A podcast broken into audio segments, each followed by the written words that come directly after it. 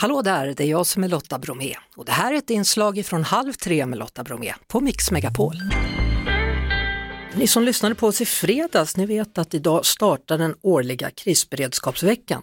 Då fick vi veta att tre personer i Borlänge med omnejd har tagits ut för att då hjälpa till med det här att öka människors motståndskraft inför samhällskriser. Och Camilla Dalevall i Borlänge, du hämtade ut en krislåda med mat idag. Hallå och välkommen! Hej, tack. Ja, jag hämtade ut den i morse. Och den här lådan är då framtagen ut efter Livsmedelsverkets rekommendationer för vad en person ska kunna leva på under en veckas tid. Vad har du hittat i lådan? Jag har hittat lite köttbullar, soppor, energibars, socker och mjöl, kakao, mera soppor, lite sån här, um, eh, vad heter det? Pulvermjölk Makaroni. pratar han om. Pulvermjölk, ja. Ja. Det stämmer. Och sån här um, eh, som man åt på 80-talet. Ravioli eller sån här päronhalva Ravioli kanske? också, päronhalvor, fast inte päronhalvor utan mer såna här cocktailfrukter. Oj, ja du. Ja. Ja, det är spännande. verkligen. Vad tog du för lunch idag? Vad blev det? Champinjonsoppa och knäckemacka med mjukost. Och hur var det? Det var gott. Det var jättegott faktiskt. Den här maten ska ju då alltså tillagas på ett trangia kök. Är du van att använda ett sånt? Ja, jag har varit i skogen en del så jag klarar av att använda ett trangiakök. Men jag är inte van att göra det till både lunch och middag. Nej. Och inte på jobbet kan man väl säga. Var du tvungen att gå ut från jobbet då och, och sätta på Ja. Mm. det här? Ja, för det går väl inte att hålla på med det inomhus? Då är det ju... Nej, Nej. det var uppehåll under lunchen den här dagen i alla fall så det var skönt. Du, eh, Annars- Ja. Nej, säger du? Ja, annars, ja, annars får mina kollegor hjälpa till lite och hålla ett paraply eller någonting över. Ja, precis. Alltså, varför vill du ta dig an den här utmaningen? Jag tycker om utmaningar och jag tycker att det här är jätteviktigt och aktuellt just så som läget ser ut, både med ekonomin och krig och allt som händer i världen.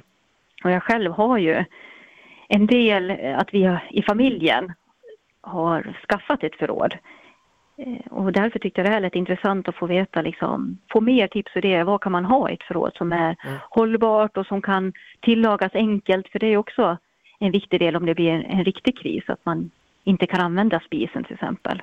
Så, så ni har verkligen ni har börjat bygga upp ett sån här prepping-skafferi då?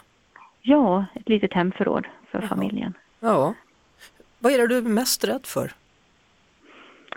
För varför jag gör ett förråd tänker du? Ja, precis. Nej, jag tänker inte sådär äh, katastroftankar utan jag tänker mer man kan bli arbetslös, sjukskriven. Då är det skönt att man har saker som man br- normalt brukar kunna äta om man inte behöver panikhandla. Eller som när det var covid och alla sprang och skulle köpa toapapper. Ja, Det var helt slut i affären och då kändes det ganska skönt att man hade toapapper som man klarade sig några månader. Du, utöver det som redan finns i lådan här, då får man ju addera sånt som man hittar i naturen, eh, bär eller svamp. Och du har tydligen en trädgård med äppelträd och då kan du ju använda något därifrån kanske, eller? Precis, lite äpplen. Jag har lite morötter som jag inte har tagit upp. Ja. Lite potatis. Så jag har det ju ganska bra förspänt som bor i ett hus med trädgård. ja. Du jobbar ju som BVC-sköterska då och har, är det en halvtimmas lunch då bara? Ja, 45 minuter, men oftast Ja. blir det bara en halvtimme. Och då ska du alltså hinna tillaga maten här då på det här trangiga köket? Ja. Ja. men det tog bara knappt 10 minuter faktiskt idag att göra den här soppan. Så Ja. att det var väl det jag var mest orolig för, hur jag ska hinna med, men det, det gick bra. Kommer du klara av det här på en vecka tror du då? Eller kommer du bli sugen att gå och köpa en pizza eller något? Suge, inte pizza, men choklad Ja, kommer jag bli sugen på. ja. godis överhuvudtaget. Men jag kommer klara av det, det är jag helt övertygad om. Mm. Men sugen kommer jag vara. Eh, är det någonting lite extra gott som du liksom sparar till mot slutet av det här så att du har något att se fram emot eller? Ja, ja, det fanns ju kakao och socker och pulvermjölk så jag får väl göra lite choklad Ja, i slutet av veckan. jaha. Du, vad är ditt bästa tips nu då? Att ha hemma i ett krisskafferi tycker du? Det är sånt man äter vardagligen. Sånt som kommer användas. Det är ingen idé att köpa en, en burksoppa som du inte tycker om.